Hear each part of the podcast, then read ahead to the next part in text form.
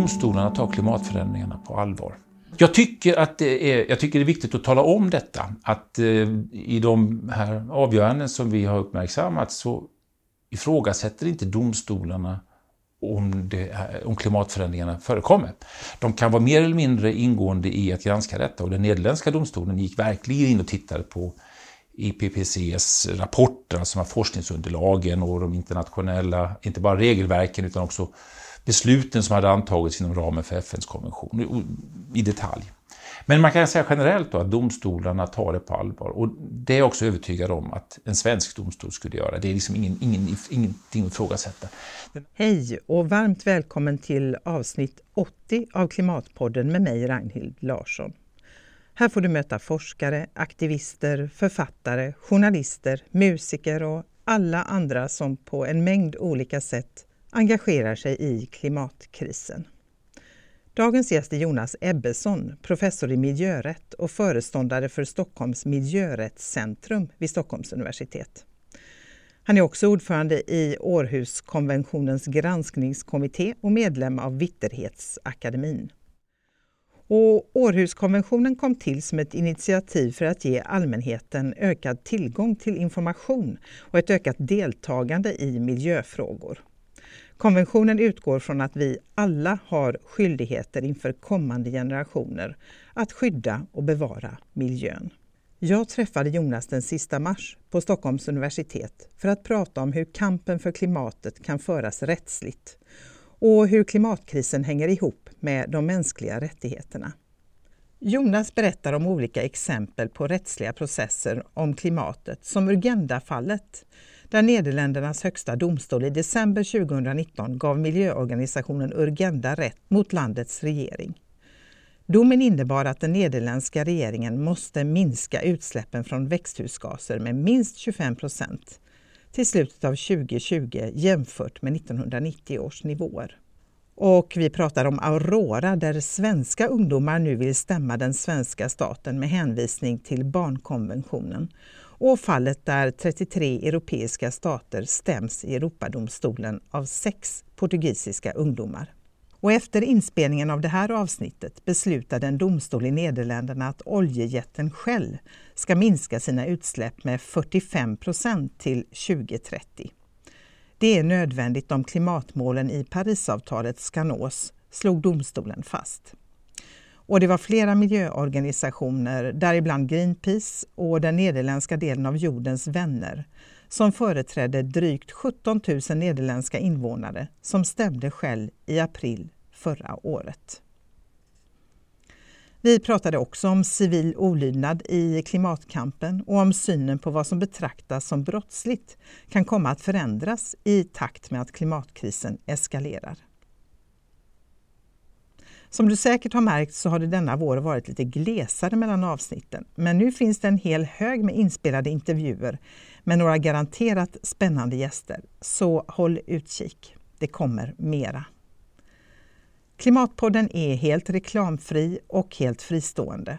Så om du gillar Klimatpodden och vill stötta arbetet med att göra den så är du väldigt välkommen att sätta in en valfri summa, stor eller liten, på Klimatpoddens eget Swishkonto. 123 396 2974.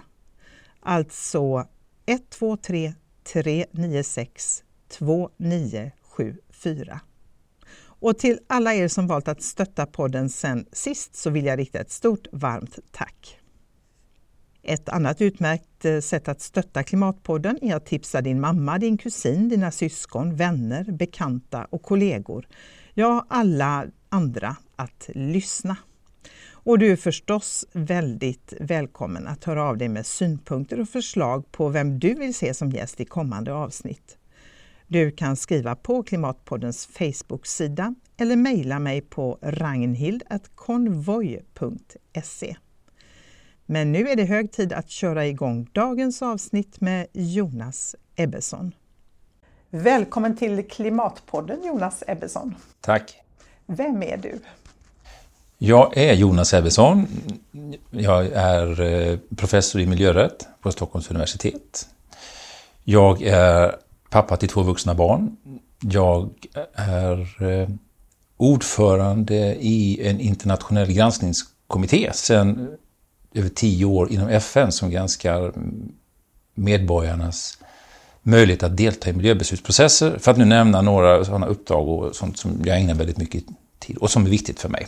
Mm. Så det är några saker om mig. Vad är det för grundläggande fråga som du som forskare vill ha svar på? Jag du har hållit på här nu hela ditt eh, ett långt yrkesliv med de här frågorna. Det finns nog ingen enskild grundläggande fråga som jag vill ha svar på. Utan det, det, dels är det ett förhållningssätt. Alltså jag tycker väldigt mycket om att få tid att eh, fördjupa mig i saker. Jag tycker de frågor jag håller på med är väldigt eh, både viktiga och inspirerande och att få haft möjlighet att träffa de människor jag har träffat. Sånt fängslar mig och jag tycker det är viktigt att särskilt sådana frågor som kanske inte får så mycket utrymme annars kan komma fram. Och också förhållanden som är lite mer komplexa, som behöver, man behöver gräva i, är viktiga.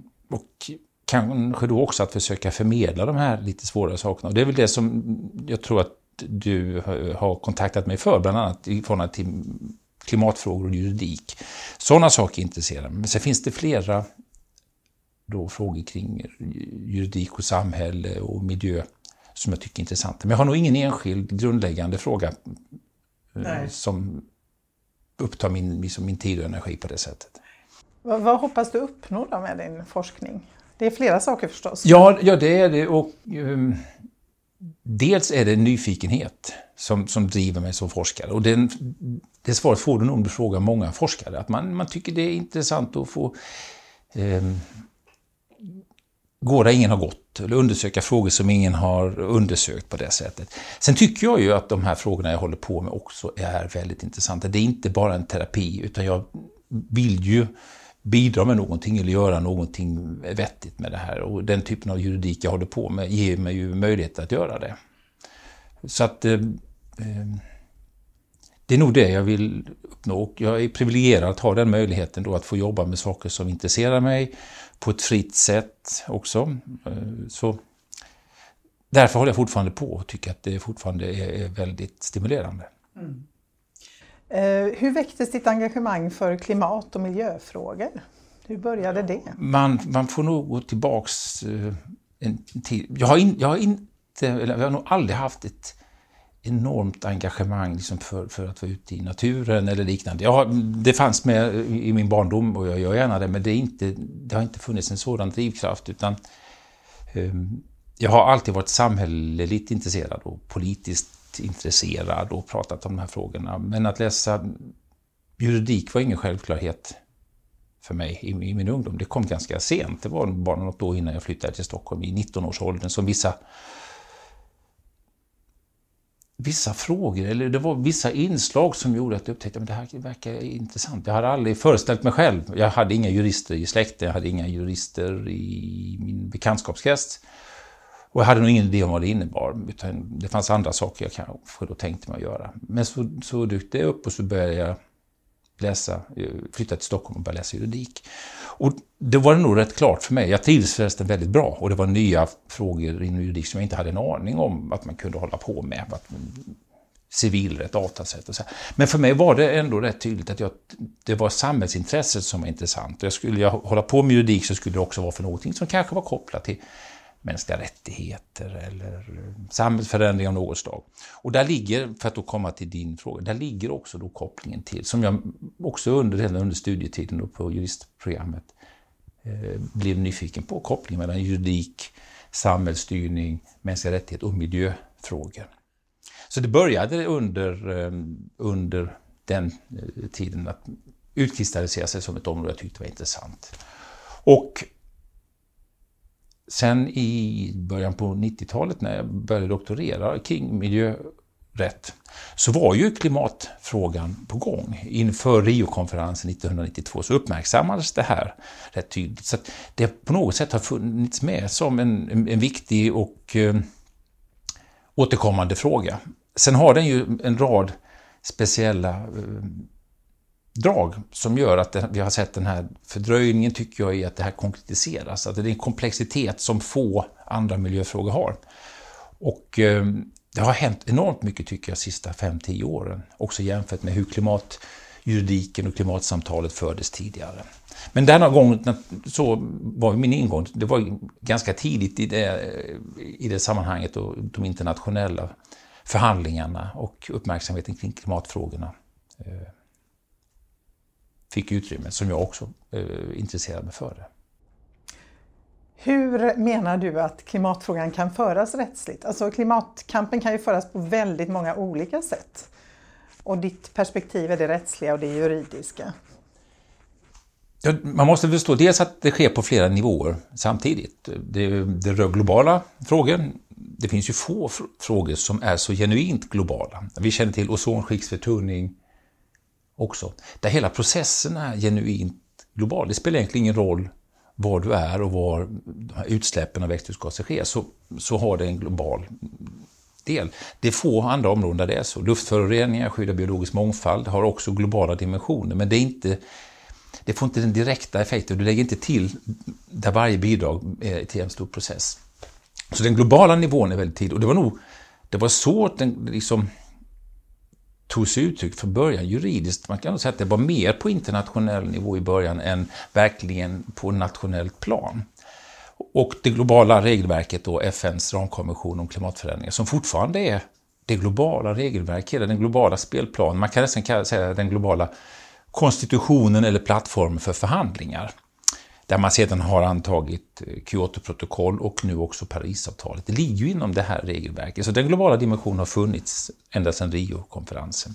Sen blev det ju som ett led i att det konkretiserades också mer tydligt att det här måste ju genomföras på nationell nivå. Eller det var väl klart från början, men det började så småningom då tas uttryck framförallt i politiska former, men också sipprade ner i både svensk och europeisk juridik.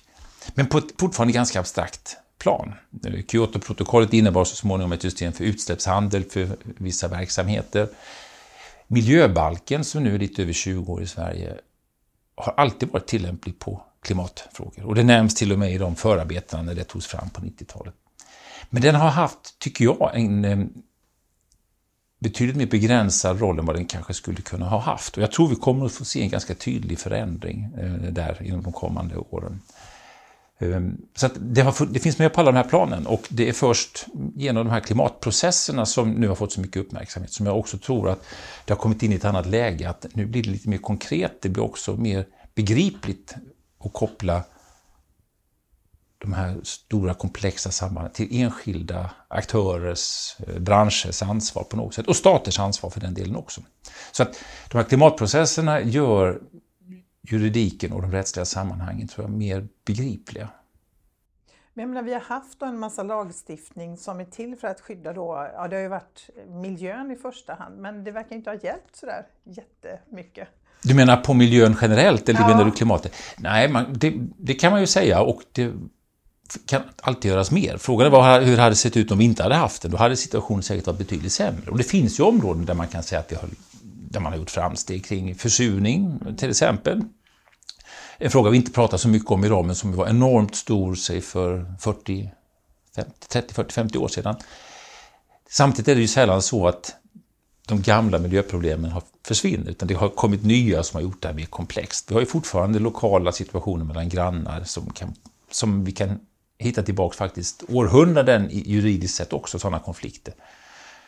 Eh, oljeföroreningar som uppdagades på 40, 50, 60-talet och blev föremål för regler. Och så. De finns ju kvar, sen har det kommit till nya komplexa saker.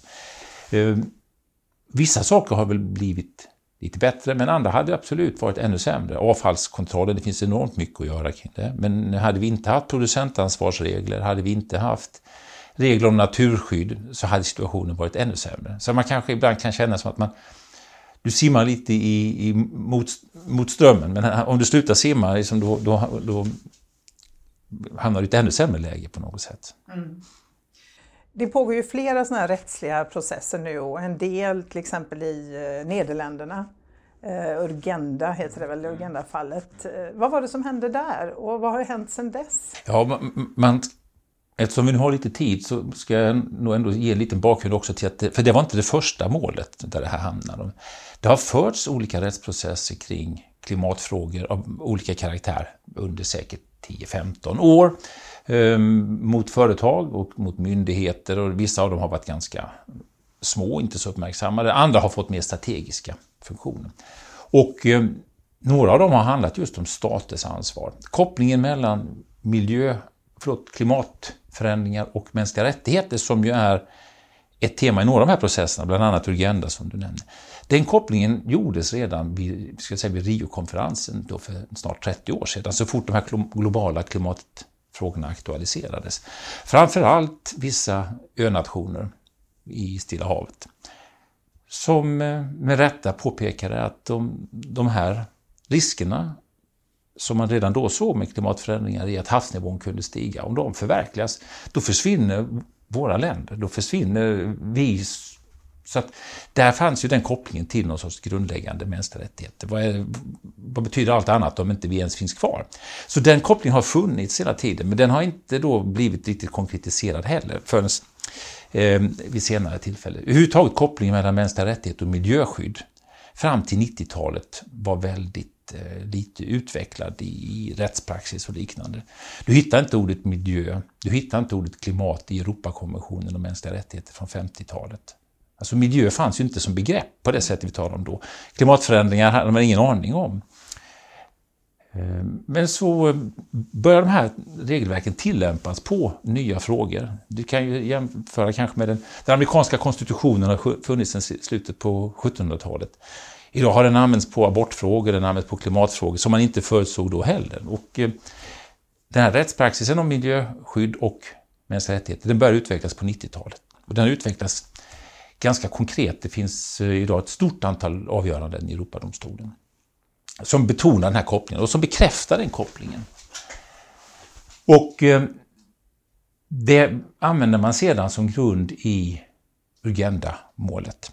Då var det Europakonventionen. Men redan dessförinnan så hade två rätt uppmärksammade avgöranden i andra delar av världen då eh, inneburit att stater ålades att genomföra klimatåtgärder med hänvisning till grundläggande rättigheter eller liknande.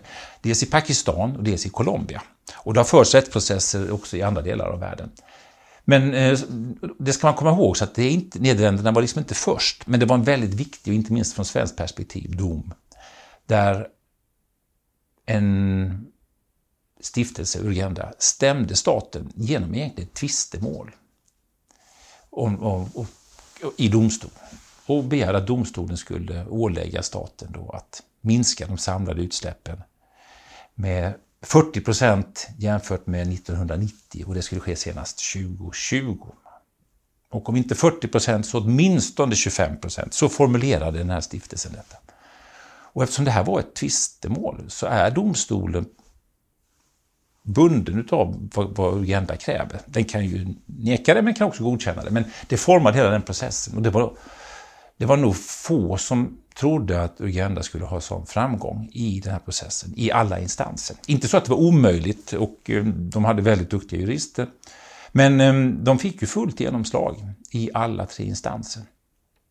Och jag har läst de här domarna, jag har skrivit om dem och de finns översatta och är väldigt välformulerade tycker jag. Och då har ju Europadomstolen ännu inte kommit med något sådant avgörande själv. Men många europeiska länder, precis som Sverige, har Europakonventionen inskriven i sin grundlag eller i sin lag. Så den holländska domstolen tillämpade de här reglerna i Europakonventionen och byggde hela sitt resonemang på hur Europadomstolen i andra frågor som rör miljöskydd har resonerat kring risker, kring att man måste vara berörd, kring viss konkretion kring vad som kan vara rimligt. Och så tillämpade de de här idéerna på, på klimatet och eh, drog då den slutsatsen. För det första, dels att klimatförändringarna är verkliga och dels att Europakonventionen är tillämplig. Och om man stannar där, innan man sen går in och tittar på hur den bedömde då vad den nederländska regeringen har gjort, så blir ju det också intressant för andra länder, inklusive Sverige. Mm. För det första kan vi se, och det bekräftade domstolen i Nederländerna, men också i Pakistan, Colombia, Frankrike, Norge, Irland, Storbritannien. Domstolarna tar klimatförändringarna på allvar.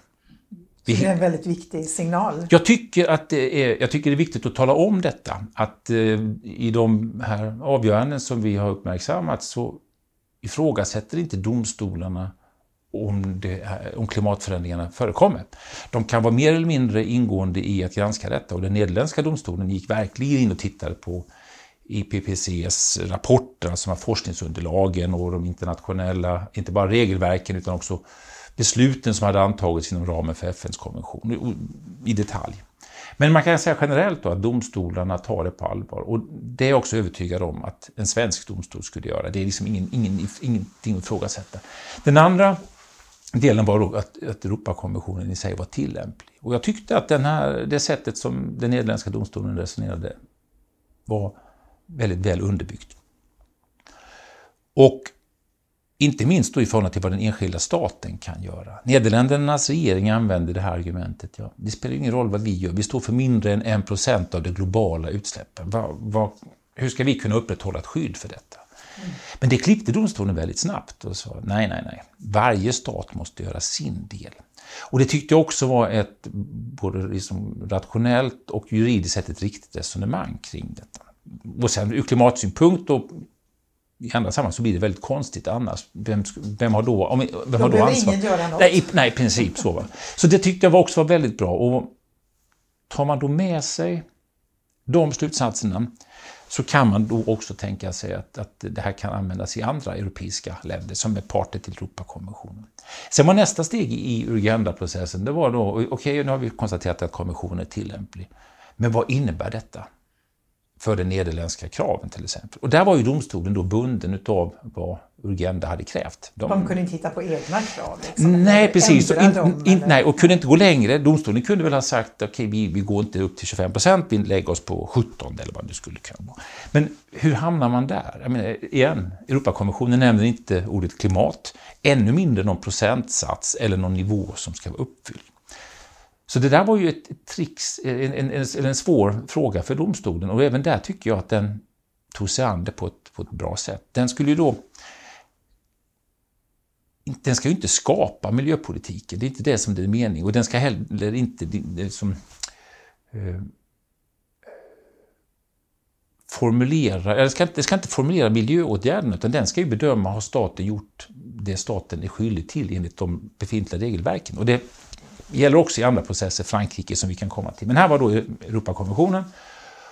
Och då tittar den på vad, vad har Nederländerna åtagit sig i, i, politiskt, vilka nivåer verkar rimliga, vad har man då sagt? Och så landar den i att det här kravet som Uganda hade ställt på 25 procent var juridiskt rimligt, ett sådant krav. Så den eh, ålade då staten att göra detta, och inte på vilket sätt, utan att det här är vad som ska uppnås. Och eh, nu ser det väl ut som att Nederländerna då klarade detta förra året.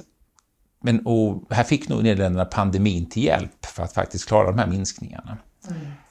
mm och så. Men här, den här processen har fått väldigt stora eh, återverkningar och mycket uppmärksamhet i andra länder. Och det fungerar väl lite grann med de här rättsprocesserna jämförelsen haltar lite, men om du tittar på hur det, om man nu tar det i klimatsammanhang, hur det engagemanget med alla, alla manifestationerna som ägde rum 2018 och 2019 runt om i hela världen. Det inspirerade varandra och folk uppmärksammade detta. Rättsprocessen är något helt annat och det finns processer som drivs eh, mer klumpigt och utan framgång och kanske ibland eh, har ett eh, motverkar sitt syfte. Men om man ser att en sån här process drivs ett land framgångsrikt och är frustrerad över att antingen miljöpolitiken är för långsam, eller klimatomställningen är för långsam, eller om man tycker, och det är det som är domstolens roll, att den befintliga lagstiftningen inte genomförs ordentligt. Då, då såg man, här finns en sådan möjlighet och det har då också eh, drivit på andra rättsprocesser. Så i det nederländska fallet, där var det ju den svåra saken att bedöma Europakonventionens tillämpning. Sen hade vi nyligen en fransk process. Som inte, den är inte helt avslutad ännu. Men eh, där var situationen annorlunda. Där gick domstolen på den franska lagstiftningen och bedömde om regeringen hade gjort det den själv har åtagit sig i förhållande att fasa ut eh, utsläppen av växthusgaser. Så där är det nog lite lättare att förstå den kopplingen. Där kan man ju se vad har regeringen sagt, hur ser det ut med utfasningsbanan? De pratar om en klimatbudget i franska sammanhang och har regeringen då eh, uppfyllt detta? Och där fastslog den franska domstolen, vilket är viktigt, att det redan har uppkommit en ekologisk skada till följd av klimatförändringarna. Och i och med att den kunde fastställa det så kunde den också ålägga staten att göra någonting. Men i det här fallet så är, hittills så har den då bara konstaterat att det har uppkommit en skada och den har ålagt staten att ta fram mer underlag, så vi vet inte vad som kommer att hända. Men det viktiga där också är ju att visa att det finns en möjlighet att pröva om staten har gjort det staten ska. Så ett liknande mål i Sverige, eh, vi kan ju komma in på det också sen, Aurora, där barn ju, eh, eller det är väl juridikstudenter, men där barn liksom kommer att föra talan mot att regeringen inte har gjort tillräckligt, stämma staten helt enkelt. Men, men jag undrar, vilka sanktionsmöjligheter? Du säger här Holland, nu hade man hjälp av pandemin, men vi säger om pandemin nu inte hade inträffat eh, och utsläppen hade fortsatt att stiga, Alltså vad kan, eh, vad kan man juridiskt göra då? Det beror ju på vilket land du ja, driver processen i. Men man, ska, man kan nog säga generellt att de rättsliga sanktionerna mot regeringen i många sammanhang är ganska begränsade där. Mm. Det lite speciella i den franska processen och franska sammanhanget är att där kan domstolen besluta om böter för staten, om staten inte gör det domstolen eh, ålägger den. Sen så tänker man att de här böterna måste ju komma tillbaka till staten i alla fall, så att jag kan fortfarande inte riktigt se hur, ehm, hur vad det får för konsekvenser. Men, men likväl, det får ju, där säkert, där får den sanktionen ännu större uppmärksamhet och även i, i Nederländerna eller om det skulle ske i, i Sverige eller något annat sammanhang så, så är det klart att om staten inte uppfyller en domstolsdom så skapar det ju väldigt stora politiska eh, effekter.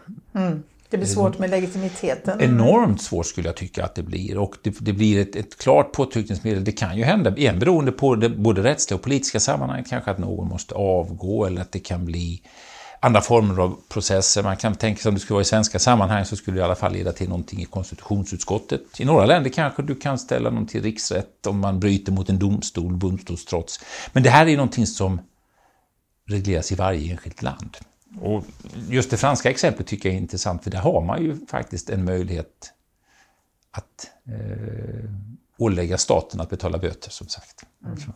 Men, men det viktigaste tror jag, det är inte sanktionen i sig, utan det är att du får det här så väldigt konkretiserat, att staten har ett juridiskt ansvar.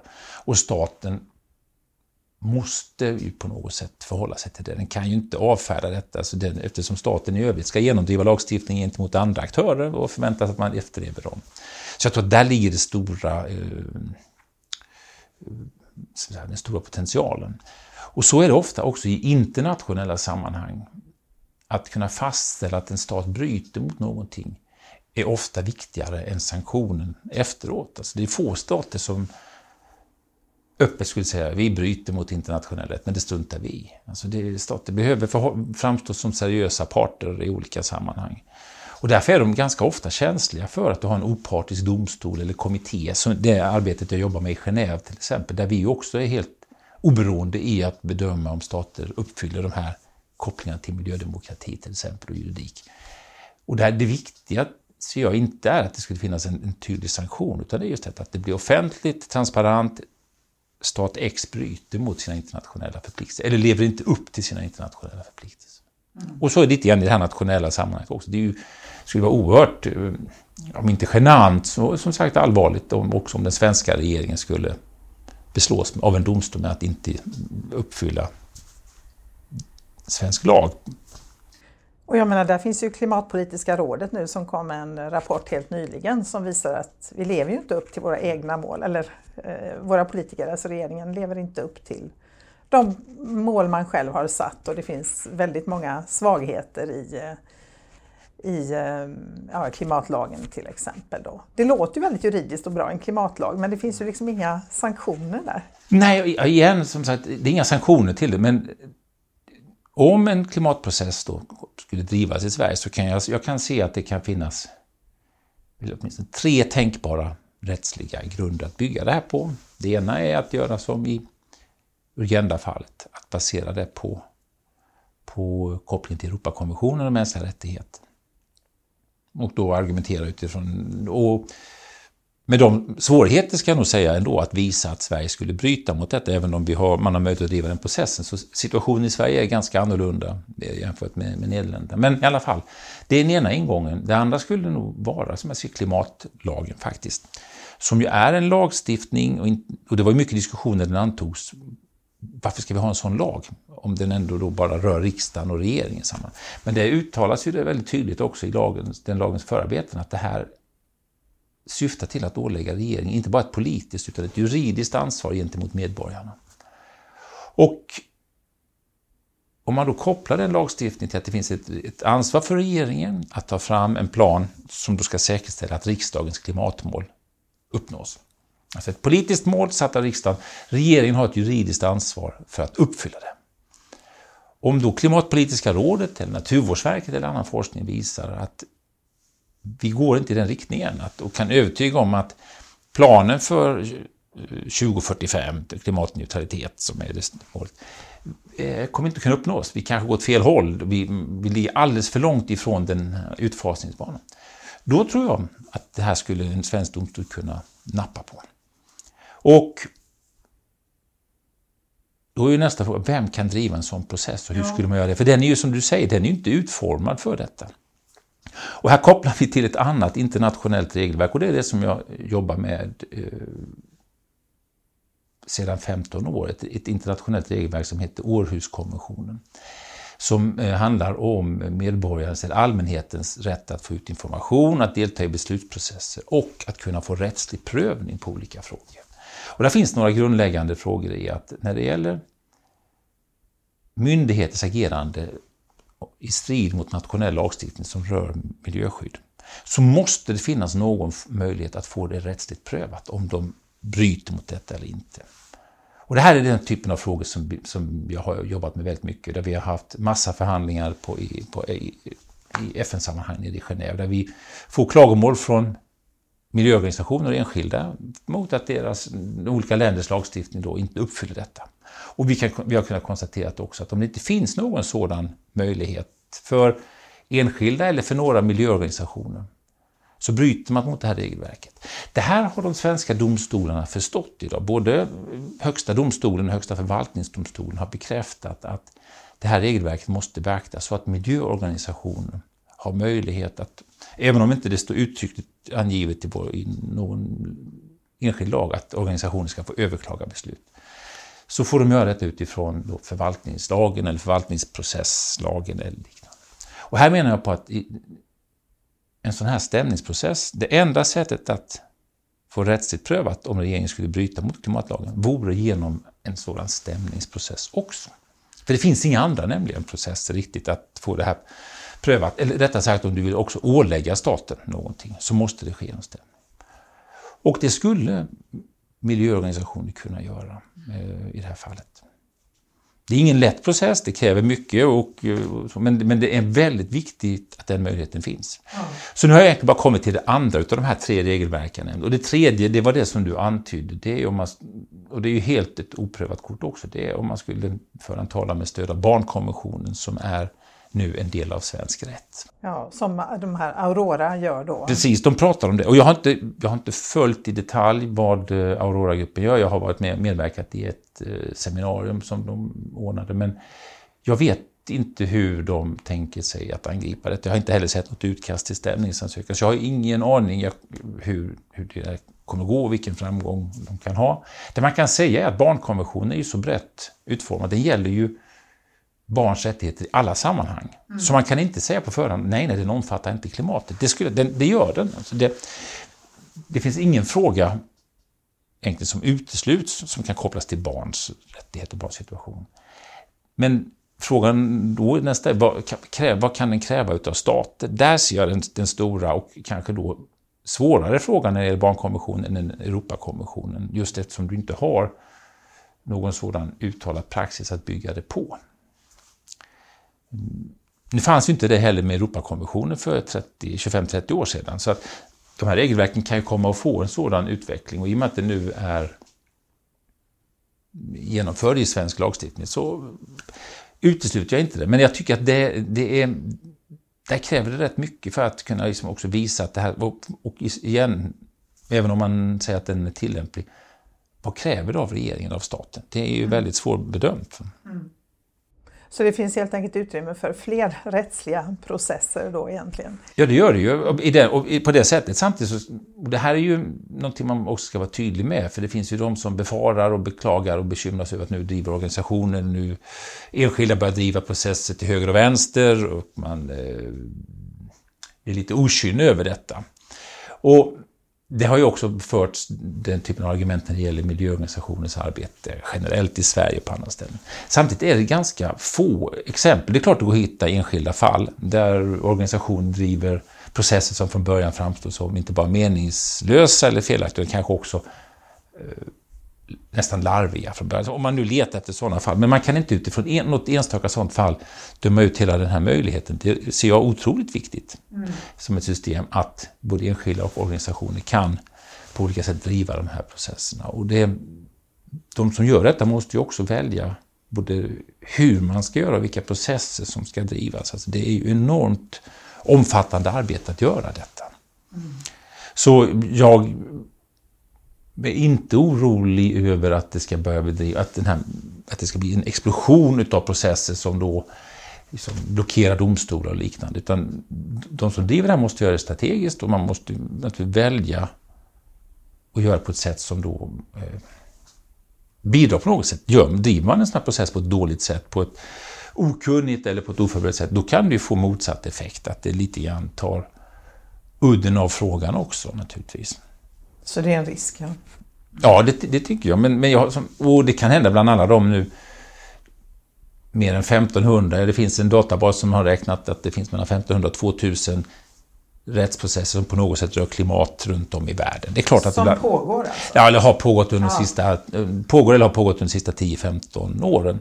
Och jag tänker mig att bland dem finns det säkert några man kan hitta om man vill som då från början framstår som meningslösa och liknande. Men sen har du de här som har fått stor betydelse både för att uppmärksamma att lagstiftningen inte genomförs, men kanske också för att visa att den här lagstiftningen räcker inte om man vill uppnå en, en snabbare klimatomställning. Ja, just det, så att det krävs ny lagstiftning helt enkelt. Men man ska vara klar över då att det är inte, det är inte domstolens roll att skapa klimatpolitiken. Nej, och det, det tycker jag också är viktigt att få, att få fram. Domstolen har ingen legitimitet att göra det.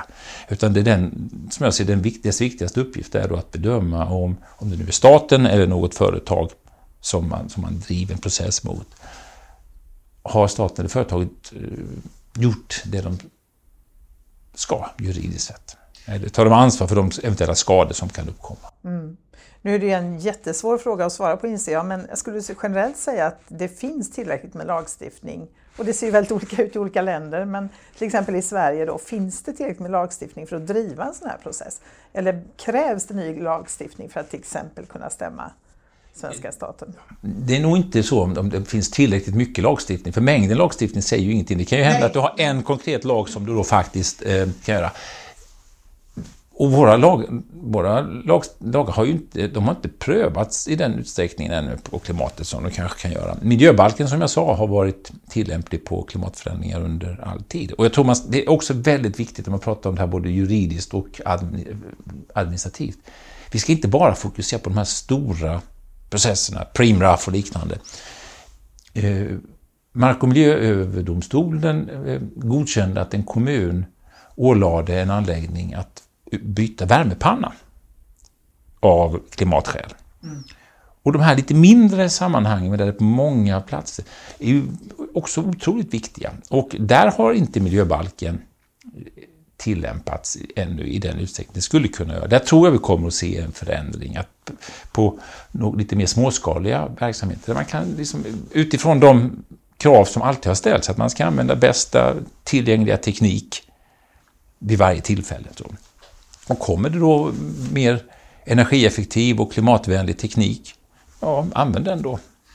Mm. Och det är ju också ett sätt för både tillsynsmyndigheter, kommuner och länsstyrelser och sedan när det prövas rättsligt, eh, ett sätt att, att eh, både säkerställa att lagstiftningen faktiskt genomförs och efterlevs, men också då bidra till klimatomställningen. Man kan inte begränsa sig till en nivå eller en, en aktörs ansvar. Det är stater, det är företag, det är var och ens. Mm. Tror du att vi får se fler processer mot företag? Jag menar, det är ju, jag menar de har ju själva, Exxon har ju suttit i amerikanska senaten eller kongressen och erkänt liksom att ja, vi visste om att vår verksamhet skulle ha väldigt skadliga effekter på klimatet men vi valde att mörka det. Alltså, men det har inte hänt så mycket. Tror du att vi får se Alltså motsvarande Haagtribunalen, eh, Nürnbergrättegångarna? Nej, jag kanske inte. Alltså Nürnbergrättegången är ju så väldigt... Det, det handlade ju där om, om liksom ansvaret efter andra världskriget. Och det pågår nu en diskussion kring eh, ekocid som eh, har viss, viss koppling till de här väldigt grova, de värsta brotten vi kan tänka oss. Eh, där tror jag inte att klimatförändringsfrågan kommer riktigt att passa in alltså i detta. Jag vet att det förs en sån diskussion och de, de, jag är, ser positivt, jag ser absolut starka skäl att inrätta ett sånt här globalt brott, alltså, eh, ekocid. Men då ska man komma ihåg om man vill införa det i det här som kallas för Romstadgan och internationella brottmålsdomstolen, att då måste brottet vara i paritet med de här andra eh, brottsrubriceringarna. Det, som, det här begreppet ecocide kom ju från att den pallade till genocide, alltså då brott mot eh, mänskligheten, eller väldigt grova brott. Och då är det svårt att tillämpa det på klimatförändringar, för att när du pratar om de här straffprocesserna, då ska du kunna knyta det till en eller några viktiga centrala aktörer, ofta är det statschefer eller militära ledare eller någonting sådant. Klimatet ser ju annorlunda ut, även om vi har, precis som du säger, vi har de här stora företagen som har betett sig som skitstövlar och som jag tror, för att svara på din fråga, kommer att bli föremål för, någon, för olika typer av rättsprocesser. Ansvarsprocesser, kanske för att de har undanhållit eh, information och liknande. Men även dessa aktörer, eh, för de menar att det är tveksamt om man kommer att kunna tillämpa ett eventuellt ekocidbrott eller begrepp mot dem. Just för att det knyter an till att du måste kunna placera det till någon enskild person mm. om du ska använda det där. Mm. Och det, det fin, vi, har, vi kan ju se vissa enskilda sådana verksamheter där man kanske kunde gjort detta. När, när man använde Agent Orange i Vietnam hade en, en sån liknande situation idag hade kunnat varit eh, ett, ett typ av ekocid exempel. Eller när Saddam Hussein tände eld på alla oljeplattformar i samband med Kuwait-krisen då på, eller kriget eh, Kanske också andra typer av väldigt storskaliga förstöringar. Kanske också kopplat då till, till privata aktörer i förstörelse av skog i Amazonas och liknande. Men, men alltså, igen, det juridiska ansvaret ska peka på en viss aktör. Och det som vi kännetecknar klimatet, det var ju där vi började, är ju att problemet här och svårigheten är att vi, det är ju det sammantagna resultatet utav alla våra utsläpp. Inte av att någon enskild bil, inte, av, inte heller egentligen att det är så att det, världen skulle inte stå och falla med Primraff, det var inte det det handlade om, men det var så pass stor aktör i Sverige och utifrån det här svenska ansvaret och det var en satsning i fel riktning och då måste alla bidra åt det hållet. Mm, mm. Men apropå Prim, så alltså där Mark och miljööverdomstolen godkände ju den här utbyggnaden då som hade gjort Primraff till eh, Sveriges största utsläppare av koldioxid. Eh, alltså hur är det möjligt? Nu blev det ju aldrig, jag menar sen skulle regeringen eh, liksom eh, det, Frågan hamnade på regeringens bord och sen drog Primraf tillbaka eh, sin egen ansökan om att få bygga ut. Men hur är det möjligt att Mark och miljööverdomstolen kunde eh, godkänna den här utbyggnaden? Det framstår ju för en lekman som ja, det, lite absurt. Det är, ja, och, och, det är inte fullt så absurt som man kanske tror. Sen kan man diskutera då om det är juridiskt rätt eller inte, men ett av de viktigaste europeiska regelverken på klimatområdet är det system man sjösatte för över 15 år sedan kring utsläppshandel. Och det bygger på liksom en ekonomisk teori, om, en praktisk teori om att man ska eh, istället för att ha administrativa krav för varje enskild verksamhet där du säger den här tekniken måste användas, så måste företag inom vissa branscher ha utsläppsrätter som motsvarar de utsläppen som de släpper ut. Och det finns vissa tunga eh, verksamheter just när det gäller eh, utsläpp av växthusgaser. Raffinaderier, cementbruk, eh, vissa typer av järnindustri och liknande. Och de omfattas av det här regelverket. Och när det infördes för att man inte skulle blanda ihop olika styrmedel då, där man har ett ekonomiskt styrmedel där man tänker sig att det här är en sorts bubbla, så här mycket får vi släppa ut i Europa inom det här verksamheten. Och den ska kunna pressas samman, man ska minska. Så är liksom det ekonomiska tänket bakom detta. Eh, och för att man då inte skulle liksom ingripa i det systemet så skrev man in i den europeiska lagstiftningen att för de verksamheterna som omfattas av detta så måste de ha tillstånd eh, dels måste de ha ett miljötillstånd, men sen måste de också ha tillstånd att få medverka i den här utsläppshandeln. Och gör de det, då ska de inte kunna åläggas specifika villkor om utsläppsgränser. Alltså utsläppstillstånd med liksom utsläppsgränser och liknande. För att man ansåg att det skulle påverka. Och det kan man ju man kan ju diskutera det kloka i detta. Men det var den grundfrågan som man hamnade i här. Samtidigt har ju det här utsläppssystemet det har inte funkat så effektivt som man har trott. I varje fall inte fram till för ett par år sedan. Nu har ju faktiskt, tack vare Sverige bland annat, då, det här skärpts till. Och man ska komma ihåg att i vissa EU-länder så är det här den enda kanske klimatlagstiftning som faktiskt finns. Det är den som kommer från EU. Den frågan som då ställdes i, i Primraf, och där var jag med i den debatten något om det här, det var skulle regeringen, eller förlåt, skulle domstolen ska man säga, för att det här gick ju till eh, Mark och miljödomstolen först och sedan till Mark och miljödomstolen. Skulle den kunna stoppa det här? Och, och det, när det här hanteras i första instans så var de flesta parter överens om att det här var liksom inget klimatmål, just på grund av att utsläppen av koldioxid och andra växthusgaser hanteras i handel. Så första instansen, Mark och miljödomstolen, berörde inte heller den här frågan. Det var inte en klimatprocess i den juridiska meningen då, just av den här anledningen. Sen överklagades det här till Mark och miljödomstolen. Och i den vevan också, argumentet fanns ju med från början, det, det gjorde det naturligtvis, men då tog det här eh, skruv ordentligt och den här klimatfrågan blev ju väldigt accentuerad. Av fullt förståeliga skäl. Det här, var, det här skulle bli den största enskilda utsläppskällan i landet. Mm. Och hur går det ihop med de här systemen? Och den frågan som, som då togs upp och som några miljöorganisationer drev, och där tyckte jag att de hade juridiskt fog för sin sak, det var eh, och även om vi har en lagstiftning som då förbjuder domstolen att ställa vissa villkor vid utsläpp, att man får släppa ut så och så mycket, och det här bygger på EUs lagstiftning, så är det inget i EUs lagstiftning som tydligt anger att man skulle kunna neka tillstånd överhuvudtaget. Och det var den frågan, och, det, och det, där tycker jag att också med tanke på hur eh, EU-domstolen fungerar i de här sammanhangen och det här inte hade prövats, att det hade då Mark och miljööverdomstolen eh, kunnat kommit till den slutsatsen.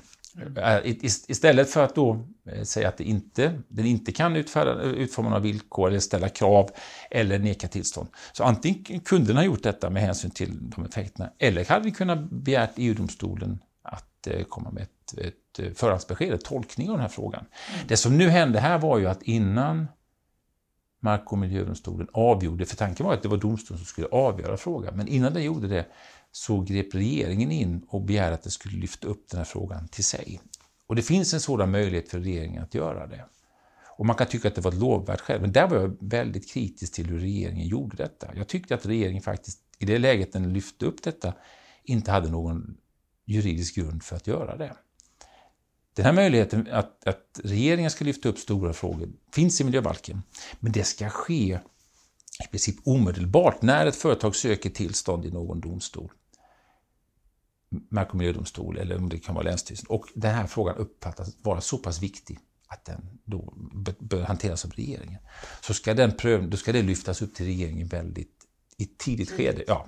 Och det finns krav på att Naturvårdsverket och andra ska underrätta regeringen om det här, men regeringens skyldighet att lyfta upp detta är inte begränsat till det. Så att det som regeringen sa att Naturvårdsverket hade inte begärt detta eller liknande, det håller inte regeringen skulle ha ingripit mycket tidigare. Jag tror att hade det här prövats, hade Prim istället begärt att få regeringens beslut att lyfta upp det här prövat i domstol, så är det rätt stor chans att domstolen hade upphävt regeringens beslut. Och då hade, den, då hade domstolen fått avgöra målet istället för att lämna det till regeringen. Mm. Så det var, det var väldigt komplext, samtidigt som jag sagt, jag säger att det här eh, möjligheten att neka tillstånd tyckte jag nog fanns där. Alltså det, EUs lagstiftning är inte så tydlig. Den, den, skulle förbjuda att sätta gränser, men däremot att man skulle kunna neka tillstånd överhuvudtaget under vissa förutsättningar. Men det blev ju en stor, stor fråga verkligen i, i media. Ja, ja, verkligen. Och hela miljö och klimatrörelsen i Sverige var ju liksom engagerad. Så att... Ja, just det. Ja. Och man kan ju tycka, eller jag tycker att det är konstigt att regeringen då inte ingrep i ett mycket tidigare skede. Mm. Då hade det varit, tycker jag också, i den meningen mer juridiskt korrekt att göra detta. Nu var det ju inte så att någon aktör protesterade mot regeringens beslut. Preem begärde aldrig att få det här juridiskt prövat. Kanske för att man insåg eh, i något spel som vi inte vet om eh, ansåg att det skulle göra saken svårare. Men vi fick ju aldrig det riktigt prövat. Mm. Mm. Men jag tänker, här står ju också olika lagar mot varandra. Är det så då att EU-lagstiftningen eh, e liksom övertrumfar den svenska? Ja, men om vi har klimatmål som visar att ja, men om Prim nu då hade fått bygga ut så hade man brutit mot sina egna, mm, sin ja, egen klimatlag. Ja, eller, ja, ja. Ja, då hade vi, fått, vi skulle fått behöva utforma de klimatmålen på ett annat sätt i så fall kanske. Att man inte räknar in den handlande sektorn. Mm. Något sätt. Men det hade, varit, det hade varit också bra att få det här, tycker jag, prövat. För att EUs klimatambitioner, de påverkas ju också av hur de här frågorna drivs av olika medlemsstater. Och EU är ju ändå man kan alltid tycka att man kan göra mer och att det går långsamt, men EU har ju ändå en ambition att göra någonting. Och eh, om man då uppmärksammar att det här handelssystemet i vissa fall får väldigt konstiga konsekvenser. Att den största utsläppskällan i landet, skulle, eller en av de största skulle nu bli den största. Så bör det finnas möjlighet att, att, att stoppa. Dessutom pratar vi om då en investering som inte kan avskrivas på fem år, utan skulle man bygga detta och ha tillstånd, ja då förväntas företaget kanske då att det skulle få driva det en viss tid. Men det, det, också, menar jag, det hade också varit möjligt att eh, antingen avslå den helt, eller att sätta en tidsgräns, för det är inte detsamma som att sätta ett utsläppsvillkor. Och då kunde man ha hamnat i den situationen att Preem säger, ja men då är vi inte intresserade, vi kan inte bara bedriva denna i tio år, då är det inte ekonomiskt Det lönar sig inte. Nej, nej. nej. Du, apropå Europadomstolen så är det ju sex portugisiska ungdomar som driver eh, nu, alltså man har stämt 33 stater tror jag det är, europeiska stater till Europadomstolen eh, för, ja, på grund av klimatet då. Hur går det i den processen, vet du det? Ja, det, det är också en, en, en väldigt speciell process. Jag tror att Europadomstolen gärna vill pröva klimatfrågorna. Idag så ser vi att nationella domstolar som i Nederländerna, eh, i Norge, har berört kopplingen till eh, mänskliga rättigheter och eh, klimat. Och tolkar samma regelverk. Så jag kan tänka mig att Europadomstolen, och jag tycker också det vore väldigt bra om Europadomstolen prövade detta. Så får den en ansökan från de här ungdomarna i Portugal som stämmer 33 stater. Däribland Sverige. Däribland Sverige. Um, utan att ha prövat dem, utan att då, vilket är det normala när man driver en process i Europa, så utan att ha uttömt de nationella rättsprocesserna. Eh, och det har gått till 33 stater och det första som Europadomstolen ska göra det är att bedöma om den här är eh, prövningsbart överhuvudtaget. Och det sker alltid. Alltså, så att när sånt här, eh, en sån här process börjar mot en enskild stat så måste den alltid bedöma får de här personerna driva detta. Och då är det ett grundkrav att man ska ha tömt ut de nationella domstolarna. Och det är en ganska klok idé, för att man, eh, man ska, man ska liksom pröva hela det nationella systemet i sin helhet. Det kan ju vara så att du, saker och ting rättar till sig på vägen upp. Vi har samma, inte riktigt samma, men vi gör liknande bedömningar i, inom ramen för den här Århuskonventionen när vi tar emot fall. Ser, prövade ni det här i domstol eller inte? Och då kanske de säger att det var för kostsamt. Ja, då köper då kanske ni inte kunde göra det. Men, men i det här fallet så är 33 stater, jag tror aldrig det har förekommit så många stater en annan gång. Det som då händer då är att Europadomstolen skickar ut det här till samtliga 33 stater. Och den begär inte bara att de ska yttra sig om frågan om eh, det här är prövningsbart, utan den begär också att staterna ska uttala sig om sakfrågan. Dels ska de redogöra för vad de har gjort på klimatområdet för att uppnå Parismålen. Dels ska de då bedöma, eh, uttala sig om de anser att de här artiklarna, samma som i Uganda-målet för övrigt, om rätten till liv och rätten till privatliv, om de är tillämpliga på klimatsammanhang i ljuset av då andra internationella avtal, inte minst Parisavtalet. Och det är någonting ovanligt. Och det är också det, det är så att de, de här regeringarna, flera av dem, kanske alla, då svarar att de de tyckte att domstolen skulle ta ett annat grepp på detta och inte kräva in svar på hela frågan utan börja med att ta ställning till om det här ska prövas alls. Och jag tror att anledningen till att domstolen begärde detta, plus att Europadomstolen har sagt att det här vill den hantera med viss prioritet, det är att skicka den signalen till staterna att det här, det här är en fråga som vi tar på allvar. Mm. Därmed är inte alls sagt att Europadomstolen i slutändan kommer att pröva det här. Det kan hända att den den har fått in de här olika svaren från 33 regeringar säger att det här är inte prövningsbart för ni borde ha tömt ut de nationella eh, domstolarna. Då har den ändå fått in väldigt mycket underlag för, för kommande klimatmål. Men det här är ju väldigt spekulativt. Mm. Mm. Eh, det är unikt i alla fall och det får ju, det får ju stor uppmärksamhet. Och eh, det ska bli väldigt intressant någon gång i maj som regeringarna har fått nu eh, slutdatum för att lämna in sina underlag. Och det ska bli jätteintressant att se vad den svenska regeringen säger om detta naturligtvis. Ja, Både i förhållande till vad, hur, den svenska regeringen anser att den lever upp till Europakonventionen och, och, det är väl inte så svårgissat att den kommer att argumentera för att den gör det, skulle jag tro. Men hur den gör det här också naturligtvis, och vad, hur den förhåller sig till det, den slutsatsen som också agendamålet handlar om, i vad mån Europakonventionen alls är tillämplig på klimatet. Så det kommer att bli väldigt intressant. Du, internationella avtal, vi har nämnt nu flera gånger Parisavtalet till exempel och enligt eh, till exempel eh, klimatforskaren eh, Kevin Anderson så har ju han konstaterat ganska nyligen att ja, vi når inte ens halvvägs upp till Parisavtalet med de klimatmål vi har satt själva och som vi inte heller lever upp till då. Men alltså, vilken roll spelar sådana internationella avtal? För nu har vi pratat mycket om att, jag tänker ibland, jag intervjuade nyligen eh, Staffan Lestadius mm.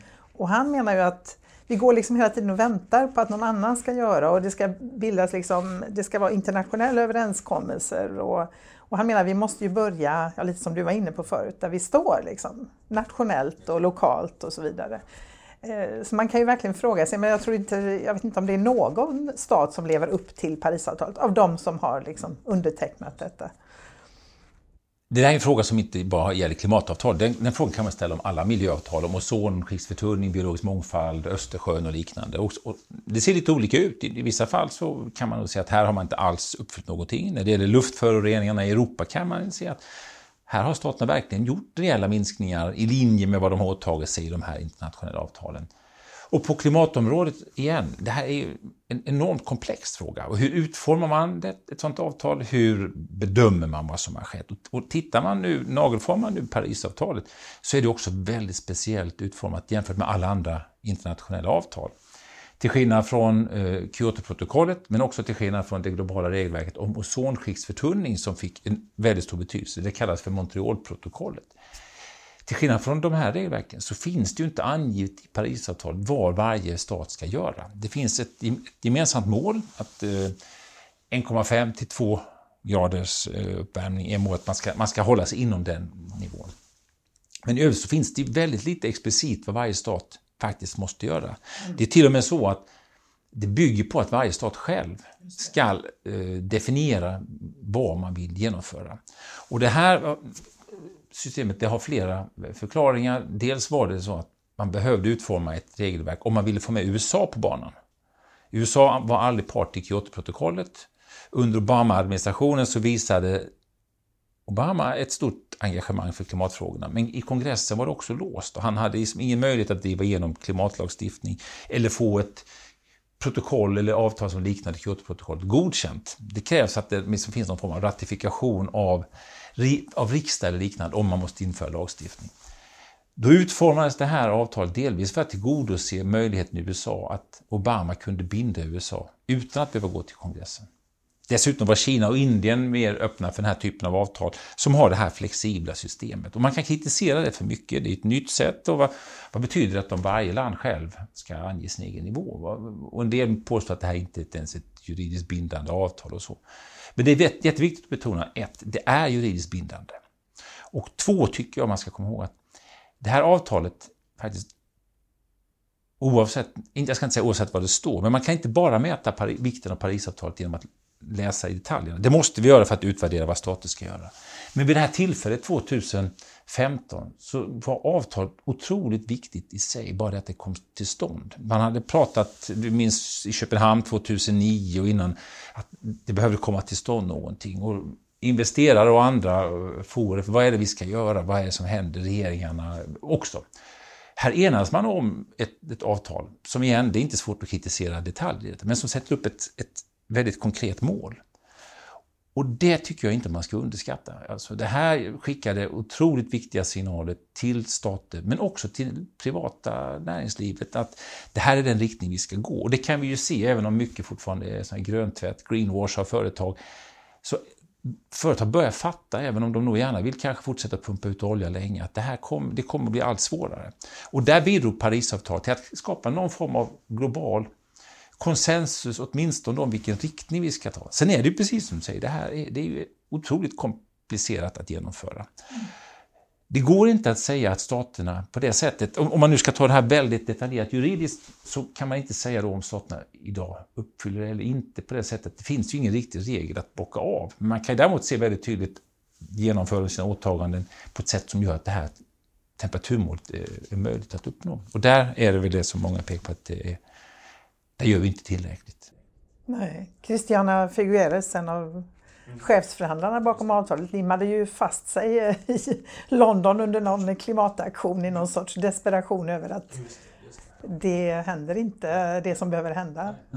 Och vi ser ju här igen att det här juridiska regelverket, den potentialen i och med att det åberopas vid alla sammanhang, alla de här klimatmanifestationerna vi såg runt om i världen innan pandemin, så var ju Parisavtalet, se hur viktigt det ändå var att det fanns med där. Mm. Att, här, man, att, att, man kan hålla regeringarna på något sätt ansvariga i den breda bemärkelsen, inte bara då i domstol, utan också politiskt och i ett annat sammanhang.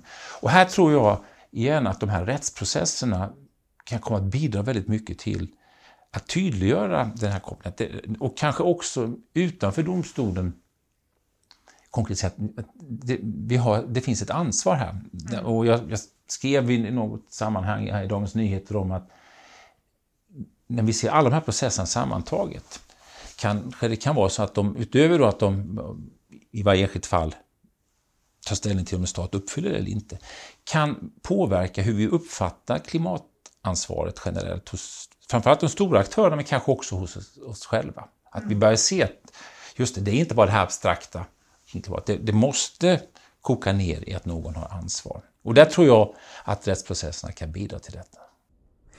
Apropå då alla manifestationer och sådär. Just nu pågår i Sverige ett, eh, ja, det är ett hundratal tror jag, klimataktivister minst som åtalas för olika civila olydnadsaktioner. Hur tror du att synen på de här aktionerna och synen på vad som betraktas som brottsligt kommer att förändras i takt med att klimatkrisen eskalerar? Jag menar, idag döms man liksom för ohörsamhet mot ordningsmakten, det kan vara störande av allmän sammankomst och så vidare. Och det gör man ju, det finns ju många angelägna intressen där man kan eh, genom civil olydnad vill uppmärksamma någonting. Och det är ju en del av syftet med civil olydnad. Att, att, att man bryter mot någon regel, eh, en juridisk regel och att man är beredd att ta ansvaret. Och det är ett väldigt viktigt inslag i en demokrati att, att, att eh, det finns ett sådant utrymme. Samtidigt är det någonting som kräver ett enormt ansvar av alla som gör detta. Men vi har ju sett det i USA, i Sydafrika och andra länder hur man använder detta för att liksom, eh, driva frågor om mer grundläggande mänskliga rättigheter. Och så. Och det kan ju ske på klimatområdet också.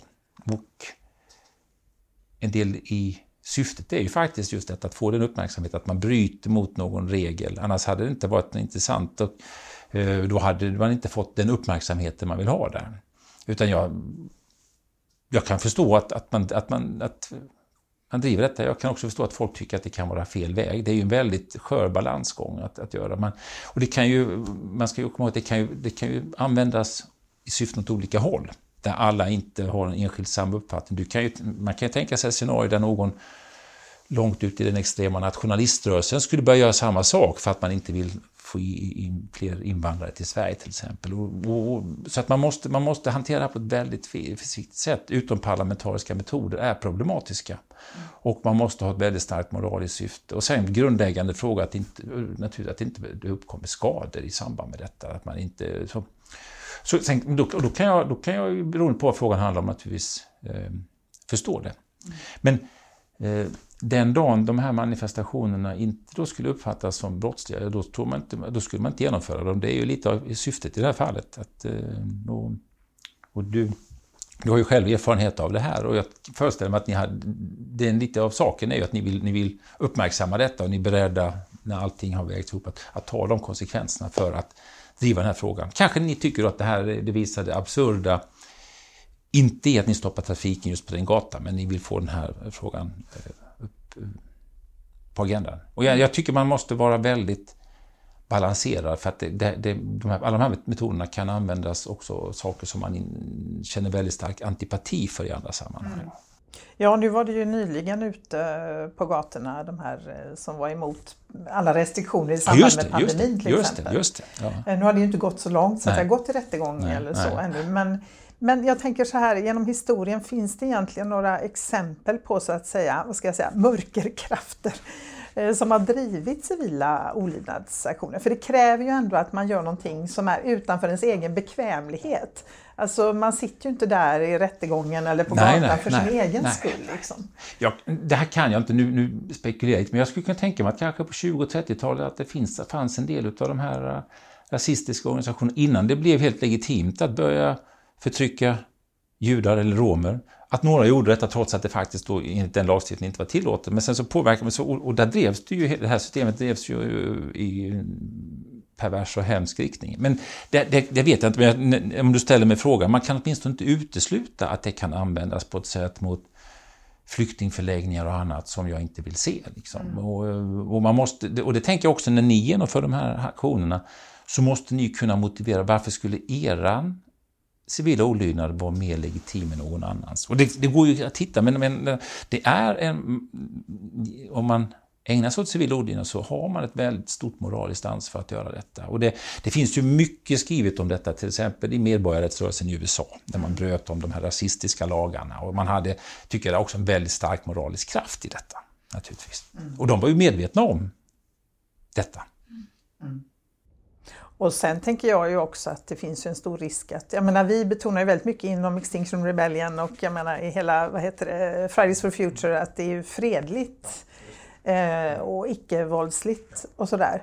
Men det är klart att i takt med att klimatkrisen eskalerar så ser jag en uppenbar risk för att det kommer att komma mer extrema som inte håller på med civil olydnad utan som börjar liksom... En viktig skillnad mot de det här andra jämförelser jag gjorde är att ni ställer ju då inte i alla fall vissa enskilda mot, mot andra som man kunde tänka sig. De här nu lite fantiserade exempel vi hade att du skulle få civil olydnad på, eh, i förhållande till extrem nationalism till exempel. Och det är en fråga vi inte har berört men som jag nog ändå vill fånga med i när det gäller de här både rättsprocesserna och lagstiftningen och all, all politik klimat, vare sig klimatpolitiken eller klimatjuridiken kommer att kunna bli effektiv om den inte uppfattas som rättvis. Och det gäller i de globala sammanhangen, mellan nord och syd, men också internt i varje land. Och det har tydliga exempel på det här, alltså Macron som har en väldigt liksom, avancerad administrativ apparat omkring sig och som har ett engagemang för klimatfrågorna. Hur kunde han då lansera en politik om klimatfrågor så, så dåligt att, att han fick den här motreaktionen i de gula västarna? Men det var ju mycket en uppfattning av att det här var orättvist. Säkert var inte alla de gula västarna mot klimatåtgärder i sig, utan de upplevde att de drabbades oproportionellt, att vissa fick fördelar, vissa fick andra. Vi har ju en sån diskussion i Sverige också. Eh, och, och den kan man aldrig fly ifrån. Alltså du, om man inför hårdare bränsleskatter så kan det komma att drabba vissa mer än andra. Och då måste man i ett eh, sånt paket också, antingen får man argumentera eller visa att det faktiskt inte har sådana fördelningseffekter.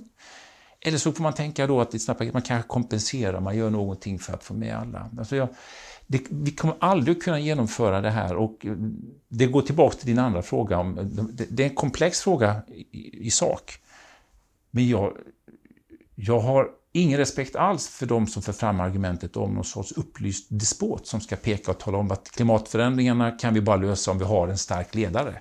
Jag tror inte på det. Det finns ingen sån genväg. Vi måste göra det på ett legitimt sätt, vi måste respektera demokratiska regler och vi måste hitta sätt som gör att det uppfattas som rättvist. Mm. Alltså, I ett globalt sammanhang i, i länder och i, i, grupper som har det så knoppet att de knappt överlever för dagen. Vad fan blir de som framtida? Alltså de, de, de, de ska överleva ja, för dagen. Ja, och, och i, i, ett global, i ett lokalt sammanhang, så, som, även här måste man liksom för att förankra detta göra det på ett rättvist sätt. Och, och den frågan kan komma också i juridiska sammanhang, både hur lagstiftningen är utformad och när då en domstol till exempel i en konkret process ska bedöma någonting. Mm. Mm. Och jag menar hela Parisavtalet bygger väl på att vi i den rika delen av världen ska göra mer liksom, och snabbare. Och det har, så har det varit väldigt tydligt formulerat redan från eh, 92 när ramkonventionen antogs. Man pratade om ett gemensamt men differentierat ansvar. Som då innebär just att de länderna som har bäst förutsättningar, som också har orsakat mest, har ett större ansvar. Och det är ju lätt idag att peka på hur Kina expanderar sina sin kolkraft och allting annat och det finns mycket att fördöma Kina för. Slår man ut och tittar på hur det ser ut ändå per person räknat så är ju inte Europa speciellt bra där heller. Alltså man måste ändå titta på de här sakerna. Men där tror jag också, och det är en viktig sak i de här länderna, att man kan inte heller bara titta på genomsnittet i ett land. Det kan inte vara så att ett land som, som Indien då nationellt skulle komma undan mindre med mindre åtgärder med hänvisning till genomsnittet. För du har ju sådana enorma orättvisor inom ett sådant land. Du har en population, en stor population som, som släpper ut lika mycket som genomsnittseuropén. Mm. Så de här frågorna kring rättvisa är, är komplexa, men vi kan, aldrig, vi kan aldrig väja för dem. Nej. Nej, nej, jag tänker då får vi någon sorts ekofascism, alltså uh, handmaid's tale. Ja, precis. Och, och uh, jag förvånas när uh, akademiker går ut och ens för fram ett sådant argument. Och jag var, bemötte ett sådant för ett par år sedan i Dagens Nyheter då, då man hade, någon hade fört fram att den här drömmen om någon despot, jag tycker den är, den är naiv och den är... Eh, ja, den är farlig naturligtvis om det skulle drivas. Det, du kan ju se, visst, man tittar med Kina, man pekar med handen, man kan uppnå väldigt stora klimat förbättringar, eller man ska säga. Men det kan ju också gå precis åt andra hållet och hela den här idén är ju väldigt svajig, tycker jag. Ja, jag tänker snarare tvärtom. Jag tänker det är ett av problemen med, ja, till exempel i Sverige, att vi är så vana vid att inte ta eget ansvar. Vi är vana vid att gå och rösta vart fjärde år. Vi har liksom glömt bort hela kampen för att bygga vårt välfärdssamhälle på något sätt.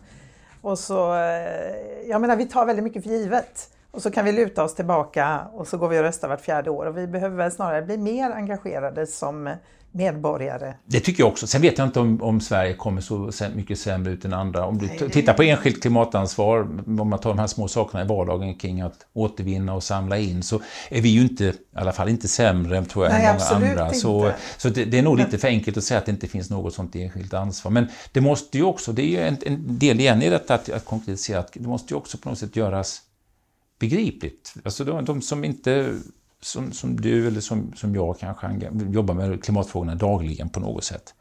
Att göra detta både hanterbart och begripligt och igen rättvist. Mm. För det finns ju väldigt tydlig tendens att man, man, man jämför sig med andra som kanske då man tycker skulle göra mer och så. Mm. Jo, jo, så är det ju. Men jag tänker det har ju hittills legat väldigt mycket på, jag menar det är ju inte enskilda individers fel, det har ju också liksom, det kommer ju sån information hela tiden vad man som enskild individ kan göra. Mm. Men att man liksom inser också någonstans att det krävs en systemförändring och det är nog så jag tänker mig med att man engagerar sig mer samhälleligt, jag menar, som vi har gjort tidigare genom historien. Liksom. Och nu ser vi ju, jag tror precis som du, att det behövs vara på andra nivåer, men eh, de här storskaliga förändringarna kommer heller inte, det, det, det, kommer inte att räcka och kommer inte kunna ske på enskild nivå. Jag, jag, tycker det är väldigt intressant att se de här nu industrisatsningarna i Sverige.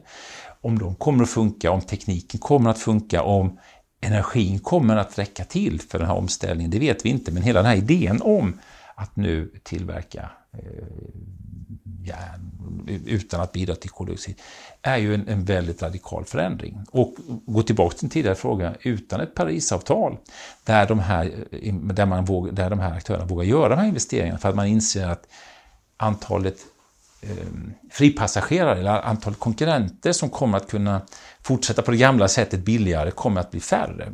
För att våga göra en sån investering måste man känna att det finns en tydlig riktning åt ett håll. Mm. Och det är ju också en viktig sak att där spelar ju juridiken en roll. Mm. Mm. Vad är det som driver dig att hålla på med det här?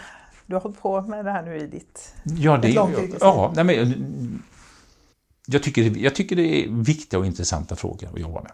Och jag tycker att det för mig är också ett, ett jag har någonting att förmedla men också att, att grubbla över och se vad kan juridiken göra, vad kan inte juridiken göra? Vad är det för intressemotsättningar som kan uppstå? Vi pratar om det här, någon sorts vi pratar om ekofascism eller totalitära ekosystem, ett sätt man inte alltså, vill hamna i.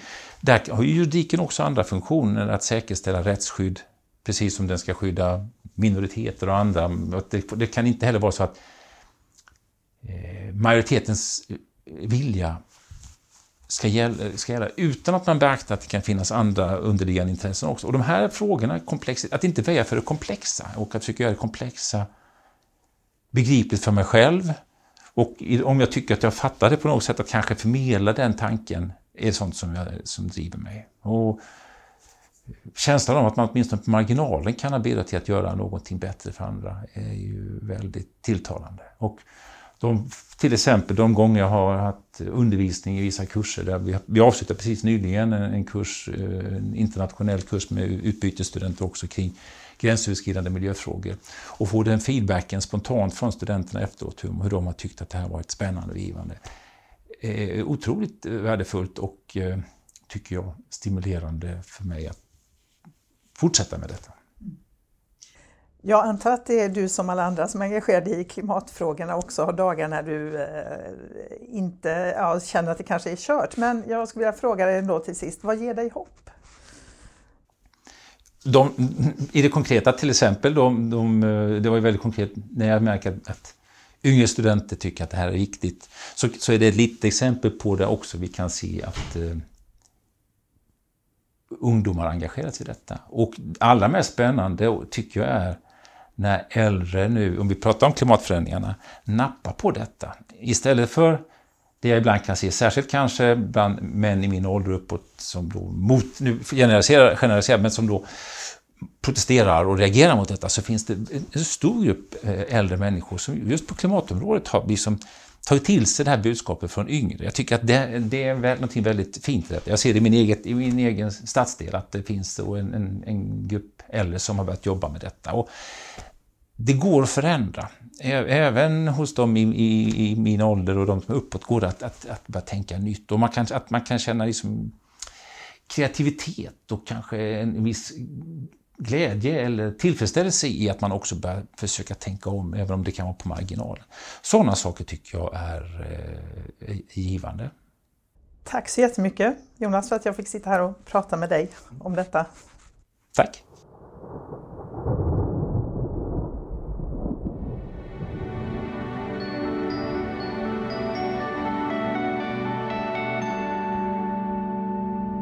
Du har lyssnat på Klimatpodden som produceras av Konvoj Produktion. Gäst i dagens avsnitt var Jonas Ebbesson. Du hittar mer information om Klimatpodden och dagens avsnitt på hemsidan klimatpodden.se. Klimatpodden finns på alla ställen där poddar finns och du kan följa podden på Twitter och Facebook. Signaturmelodin är skapad av Tommy Kaså och loggan till Klimatpodden är gjord av Hannes Larsson. Om du vill stötta arbetet med att göra podden så är du välkommen att swisha valfri summa till 123 396 2974. Alltså 123 396 2974.